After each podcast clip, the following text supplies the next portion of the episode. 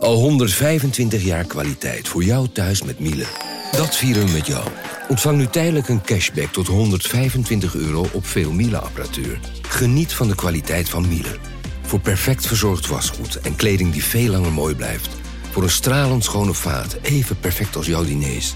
En een stofvrij thuis waarin echt hygiënisch schoon de standaard is.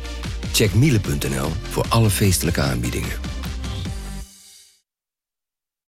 Hey podcastluisteraar. Ook op zoek naar een relevante invulling van je schaarse luisteruren? Tune dan in op de podcastserie ESG, even samengevat van BNP Paribas. Wij, Marloes en Aldert, spreken daar duurzame voorlopers en wereldverbeteraars. Waarover dan? Nou, bijvoorbeeld of we ooit duurzaam kunnen gaan vliegen. En waarom koeien in de stad nou een goed idee is? Dat en meer elke twee weken in een nieuwe aflevering. Dus abonneer je. ESG, even samengevat.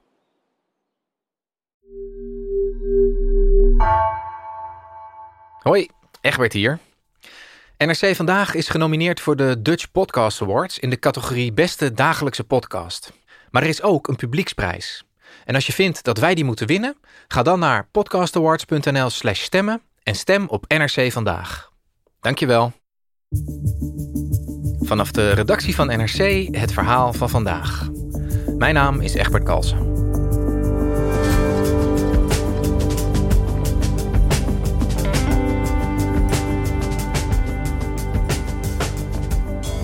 Polen is een extreem verdeeld land, zowel politiek als geografisch, met als scheidslijn de rivier de Wisła. Als de zittende regeringspartij dit weekend de verkiezingen wint, dreigt het land zich nog verder van Europa af te wenden. Correspondent Mark Middel reisde in aanloop naar de verkiezingen langs beide zijden van de rivier om de stemming te peilen. Wat voor land kan Polen worden?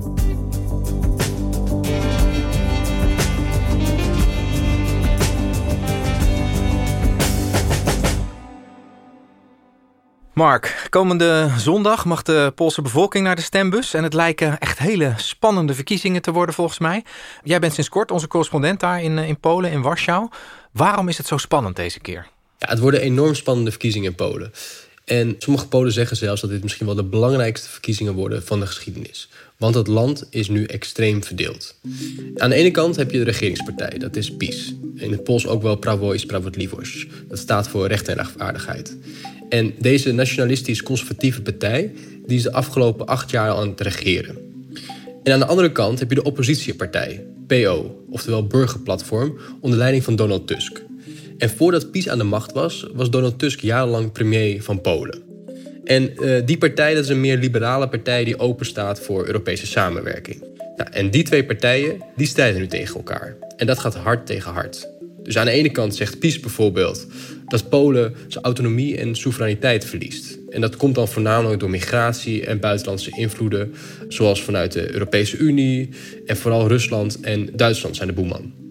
Zo zei bijvoorbeeld de leider van de PiS-partij, Jaroslav Kaczynski, laatst tijdens het partijcongres dat de oppositie, toen Donald Tusk nog premier was, in een ver verleden Polen verkocht zou hebben aan Duitsland en Rusland. Systemu, który czyni z Polskę to, o czym mówiłem kiedyś przed laty i to zostało wtedy z furią zaatakowane, czyni kondominium niemiecko-rosyjski. En aan de andere kant zie je dat PO ook die harde taal niet schuwt. Uh, en zij zeggen bijvoorbeeld weer dat uh, PiS het vergif is van de Poolse maatschappij. Kiedy mówię dzisiaj PiS to nie tylko drożyzna, PiS to również trucizna, to nie rzucam słów na wiatr. Każdy dzień, każdy miesiąc ich władzy to rosnące zagrożenie dla naszego bezpieczeństwa. Die partij zegt eigenlijk heel erg bang te zijn dat als PiS nog een keer aan de macht komt, dus nu voor de derde keer gaat regeren, wat historisch is in Polen, dat Polen dan afdrijft naar een autocratie. Met nog minder onafhankelijke rechters, nog minder onafhankelijke media en minder onafhankelijke publieke instellingen. En wat je dus ziet, is dat Polen door en door gepolariseerd is. En om dat te onderzoeken ben ik een reis gaan maken langs de rivier de Wisła. Die begint in het zuiden, in de bergen van Polen, en uiteindelijk eindigt in het noorden, in de Baltische Zee. En als je heel grof gezegd kijkt naar die kaart, dan kun je zeggen dat aan de oostoever van die rivier de Piestemmer zit, de wat meer conservatieve, katholieke, uh, van oudsher wat armere bevolking. En aan de westoever ervan, daar heb je de wat minder conservatieve, uh, openere uh, mensen die iets meer verbonden zijn met de rest van Europa. En die stemmen grotendeels op oppositiepartij Burgerplatform van Donald Tusk. En ik sprak dus met bewoners, politici en slachtoffers van het PiS-beleid aan beide kanten van de oever. Dus jij bent langs die rivier van zuid naar noord getrokken om uh, de stemming te peilen in Polen. Waar ben je je reis begonnen? Ik begon bij de bron van de rivier in het gelijknamige dorpje Wisła. Midden in de Poolse bergen, in een soort van oud skioord. En mensen hadden mij verteld dat meneer Hombeck van fotozaak Hombeck zeker een piestemmer is. Dus ik stapte zijn fotozaak binnen en gelijk werd ik door hem gewantrouwd. En vroeg hij mij, en wie heeft jij dan gestuurd? Opinie. Tak, to kogo pan słyszał? Od ludzi, którzy, nie wiem, już nie zadałem Wat je merkt in Polen is dat het nu heel gevoelig ligt om over politiek te praten. En dat komt door die polarisatie die er nu is. Maar gelukkig, na een paar minuten, kalmeerde hij een beetje en wilde hij best wat vragen beantwoorden. En al snel vertelde hij dat landen als Nederland en Frankrijk dat die veel te vrij zijn volgens hem. Pan popatrzcie, co jest w Francji, co jest w Niemczech, co jest u was w Holandii. A co u nas jest? No chyba pan sam wie, co u was jest. No nie, ale nie wiem... Jest fajnie, jest wolność, mhm. może nawet za duża wolność. Mhm. En daarmee doelt meneer Hombeck echt op migratie. Want wat je merkt is dat heel veel Polen, en meneer Hombeck waarschijnlijk ook, die kijken dagelijks naar de Poolse publieke televisiezender TVP. En die televisiezender is eigenlijk in de afgelopen jaren een spreekbuis geworden van de PiS-regering. Wat zij doen, is eigenlijk dagelijks eh, beelden uitzenden van rellende vluchtelingen, van uh, rellen in Parijs, in Stockholm, beelden van Lampedusa. Teraz Szkocja i incydent z udziałem migrantów. Tak, od kilku dni wygląda pełna migrantów Francja. Na nagraniu widoczny jest też zaatakowany kamieniami mężczyzna, który mówi, że migranci płyną w kierunku włoskiej wyspy Lampedusa. Met eigenlijk alleen maar als doel om Polen bang te maken en te waarschuwen dat dit ook in Polen kan gaan gebeuren. En dat versterkt eigenlijk het schrikbeeld van het vrije Westen en als hij nu naar Polen kijkt, dan ziet hij eigenlijk dat de PiS-regering hem heel veel heeft gebracht. Ja, want wat heeft PiS hem dan gebracht? Hoe heeft hij daarvan geprofiteerd van acht jaar PiS? Ja, Hombeck die vertelde dat hij heel blij was dat er heel veel geld vanuit de overheid richting de bewoners gaat. Want waar PiS de afgelopen jaren voor heeft gezorgd, is uh, bijvoorbeeld kinderbijslag. Dat is voor het eerst geïntroduceerd. Uh, er zijn veel hogere pensioenen gekomen. Dus mensen krijgen nu zelfs een dertiende en een veertiende maand. En de pensioenleeftijd is weer omlaag gegaan. En Polen zien dat het nu eigenlijk best wel goed gaat met Polen. Dus de werkloosheid is heel erg laag en met de economie gaat het ook heel erg goed. Dus voor veel mensen, zoals meneer Hombeck, heeft PiS echt wel veel gebracht. Meneer Hombeck uh, was aan de oostkant uh, van de rivier de Wiswa. Um, hoe kijken ze daar op de andere oever tegenaan? Hoe kijken ze daar naar PiS? Nou, ik stapte vanuit Wiswa weer in de auto en kwam na een klein uurtje langs de rivier aan in Sviglice. Dat is een klein dorpje waar ik het graf bezocht van Isabella Saibor en haar zoon. En op dat graf dat lagen allemaal verse bloemen, uh, kaarsjes, teddybeertjes. En wat me opviel, heel klein onderaan, stond de tekst Anietne Więcej. Geen andere meer. En Isabella Saibor is een hele bekendheid sinds haar dood in Polen. Want zij is eigenlijk het eerste slachtoffer van de PiS-regering. Isabella Saibor was namelijk zwanger en wilde graag abortus doen, want haar foetus was niet levensvatbaar. Maar ze lag in een ziekenhuis in het conservatieve zuiden van Polen. En ze merkte dat ze geen abortus kon doen vanwege de strenge wetgeving die die PiS-regering net had doorgevoerd. Want Polen heeft eigenlijk al de strengste abortuswetgeving van Europa. Maar daar deden ze in 2020 nog een schepje bovenop. Het Poolse Hoge Rechtshof heeft de toch al strenge abortuswetgeving verder ingeperkt. Het laten weghalen van een foetus met een aangeboren afwijking is vanaf nu in strijd met de grondwet. Dus nu mag je in Polen alleen nog maar een abortus doen uh, bij een verkrachting, bij incest of als een vrouw in levensgevaar is. Maar dus toen zij in het ziekenhuis lag en merkte dat de artsen het leven van die foetus verkozen boven haar leven, begon ze te appen met haar familie. En schreef ze: Dit is de schuld van de PiS-regering. Dit komt door het anti-abortusbeleid. En dit heb ik te danken aan Kaczynski en Duda, de leider van de PiS-partij en de president van Polen.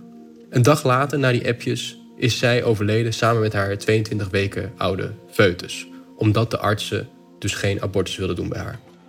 En dat heeft geleid tot massale protesten in Polen. Omdat vrouwen voor het eerst inzagen van oké, dit beleid van de PiS-regering heeft echt invloed en impact op onze levens en op onze rechten en op onze vrijheden. En wat de oppositie nu ook probeert, en voornamelijk Donald Tusk, is dat vrouwen naar de stembus gaan. Want die groep is in Polen eigenlijk een groep die niet heel vaak en niet massaal stemt. En ze hopen dus dat de vrouwenstem een doorslaggevende stem zal zijn tijdens deze verkiezingen. Dus Tusk die probeert eigenlijk uh, de vrouwen te mobiliseren om ook naar de stembus te gaan... in de hoop dat hij daar de verkiezingen mee kan winnen. Hoe populair is Tusk eigenlijk nog onder de Poolse bevolking? Nou, dat vroeg ik me ook af. En daarom ben ik weer in mijn auto gestapt en verder naar het noorden gereden... Uh, naar de hoofdstad Warschau. En op 1 oktober, op een zondag, waren daar honderdduizenden mensen op de been gekomen voor de Mars van de Miljoen Harten. Georganiseerd door de partij van Donald Tusk. En het logo dat alle mensen op straat droegen was ook een klein hartje. Dat is hetzelfde logo van zijn partij. En tegen het middaguur stond Tusk onder het Cultuurpaleis, het enorme gebouw, het cadeau van Stalin dat midden in Warschau staat. Eh, daar stond hij en daar begon hij zijn speech.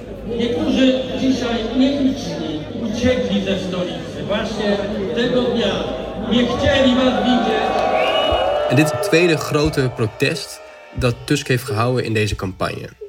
Hij probeert nu momentum te krijgen in deze verkiezingscampagne. En dit zijn echt voor Polen ongekende eh, protestmarsen. Want Polen gaan niet heel snel demonstreren en helemaal niet met honderdduizenden tegelijk. Ja, want als ik jou zo hoor, dan lukt het hem dus aardig om dat, dat volksgevoel, die onvrede, uh, zijn kant op te doen draaien. Waar komt die onvrede eigenlijk vandaan? Waarom zijn zoveel mensen zo boos op PiS? Heel veel mensen die ik sprak, die zijn echt bang dat Polen uiteindelijk een autocratie wordt onder het bewind van PiS. Want PiS heeft de afgelopen jaren al heel erg veel veranderd aan de Poolse democratie. Zoals ik al zei, uh, zijn de rechten op abortus heel erg ingeperkt. Maar daarnaast is de onafhankelijke rechtspraak ontmanteld. Zo zijn heel veel onafhankelijke rechters, die dus niet loyaal zijn aan PiS, uh, die zijn met vervroegd pensioen gestuurd. Terwijl heel veel andere rechters, die wel loyaal zijn aan PiS, juist op hoge posities benoemd zijn. Daarnaast uh, is natuurlijk de onafhankelijke media ook deels ontmanteld.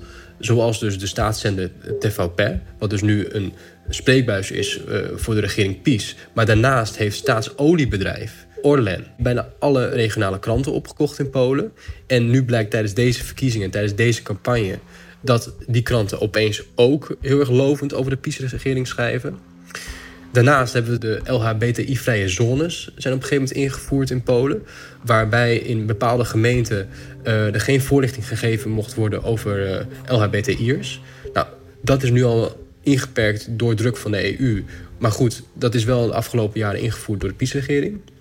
En daarnaast heb je heel veel culturele instellingen waar allemaal loyalisten van de PiS-partij worden benoemd. Zo zijn er heel veel musea waar nu andere directeuren benoemd worden en die nu ook de tentoonstellingen veranderen in een veel meer nationalistischer verhaal. Dus wat je merkt is dat PiS echt een stevige greep heeft op de samenleving in Polen. En dat slechts in acht jaar.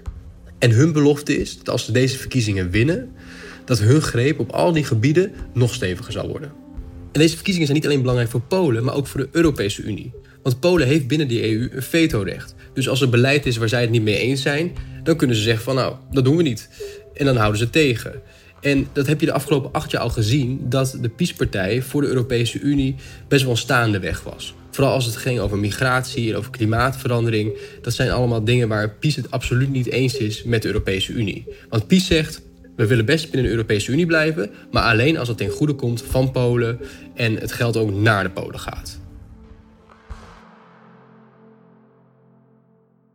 En Mark, uh, zondag zijn dus die verkiezingen waar we allemaal zo met spanning naar uit zitten te kijken. Hoe staan de partijen ervoor? Hoe, hoe zijn de peilingen in, in Polen? PiS staat momenteel op winst in de peilingen, met de partij van Donald Tusk vlak achter. Maar waar PiS nu nog een meerderheid heeft in het parlement, lijken ze dat nu absoluut niet te gaan halen na deze verkiezingen. Dus moet PiS waarschijnlijk gaan regeren met een andere partij. En eigenlijk lijkt de enige optie daarvoor de extreemrechtse Confederatia. En Confederatia is een partij die openlijk anti-migratie is, anti-LHBTI en antisemitisch. Een partij die eigenlijk zo min mogelijk belastingen wil en zo min mogelijk toeslagen. Maar die twee partijen gaan eigenlijk niet zo goed samen, want PiS heeft, zoals ik al eerder vertelde, een politiek juist van heel veel geld geven aan mensen. En de Confederatie is daar juist heel erg tegen. En ja, het is wel een risico om met zo'n extreemrechtse partij te gaan regeren met zulke extreme, uh, extreem gedachtegoed. Dus dat wordt nog heel erg spannend of dat PiS gaat lukken. Ja, dus die, die, die coalitie die PiS moet aangaan, dat, dat vormt eigenlijk ook een risico. Dat kan ze stemmen kosten, als ik jou goed begrijp. Hoe zit dat voor de partij van Tusk? Nou, Tusk staat nu nog niet op winst uh, in, uh, in de peilingen. Dus waarschijnlijk wordt het de tweede grootste partij. Maar uh, hij kan dan waarschijnlijk alsnog gaan regeren. Maar daarvoor moet hij wel alle andere oppositiepartijen weten te verenigen. En onlangs uh, hebben zij zich uitgesproken om samen uh, te willen gaan regeren. Dus die kans is vrij groot. Alleen dan moeten die kleine oppositiepartijen wel de kiesdrempel halen. En in Polen is de kiesdrempel heel erg hoog. Namelijk tussen de 5 en de 8 procent van de stemmen moet je halen. Dus uh, dat wordt ook nog heel erg spannend. Ja, er staat dus echt wat op het spel, uh, zeiden we al eerder. Wat denk jij nou, Mark? Gaan na deze verkiezingen die oostelijke en die westelijke oever van de Wiswa uh, nader tot elkaar komen? Is dat het moment waarop er wellicht een, een brug tussen de oostelijke en de westelijke oever van de Wiswa geslagen kan gaan worden, figuurlijk dan? Nou, ik eindigde uiteindelijk mijn reis in Gdańsk, helemaal in het noorden van Polen, waar uiteindelijk de rivier de Wiswa uitmondt in de Baltische Zee. En tijdens die hele tocht door Polen heb ik eigenlijk alleen maar polarisatie gezien. En de campagnes tijdens deze verkiezingen, die versterken dat alleen maar. Want het gaat heel weinig over ideeën, van waar willen we met Polen heen, waar moet belastinggeld naartoe. En het gaat veel meer over persoonlijke aanvallen. Uh, politici maken elkaar door en door belachelijk en zeggen eigenlijk de hardste dingen tegen elkaar. En ik merk het ook als journalist, die polarisatie. Zoals bij meneer Hombeck van de, van de fotozaak, die dus mij niet vertrouwt als ik binnenkom en hem een paar vragen wil stellen. Maar ook op de mars van oppositieleider Donald Tusk merkte ik dat heel veel mensen mij continu vragen om mijn persaccreditatie. Omdat ze toch zeker willen weten dat ik wel een journalist ben. Dus je merkt dat er toch in heel Polen overal enorm wantrouwen heerst. Maar aan de andere kant merk ik ook dat mensen heel erg moe gestreden zijn. Dus heel veel mensen mijden de politiek. Die hebben geen zin meer om te luisteren naar die politici die elkaar de hele dag aanvallen. En ook piestemmers zijn helemaal klaar met al die haatcampagnes. En wat heel veel mensen nu hopen is dat er toch een soort van verandering komt. En uh, het zou ook kunnen dat bijvoorbeeld uh, PiS na acht jaar deze verkiezingen gaat verliezen en dat Tusk uiteindelijk aan de macht komt. Maar ja, de vraag is of als er dan een verandering komt, of dat uiteindelijk ook die twee kampen elkaar ook de hand zullen toereiken. Dus of er die brug geslagen wordt over die oever. Maar ja, dat zie ik op dit moment, na deze reis, niet heel erg snel gebeuren. Dankjewel, Mark. Dank jullie wel.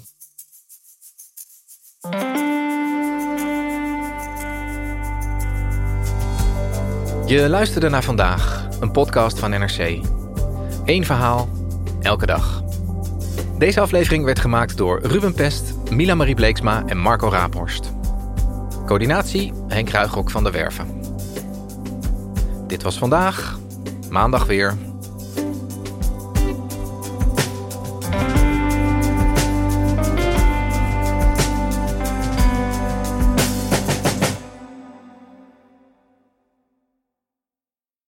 Technologie lijkt tegenwoordig het antwoord op iedere uitdaging. Bij PwC zien we dit anders. Als we de potentie van technologie willen benutten, kunnen we niet zonder een menselijk perspectief. Human-led, tech-powered noemen we dat. Ga naar pwc.nl.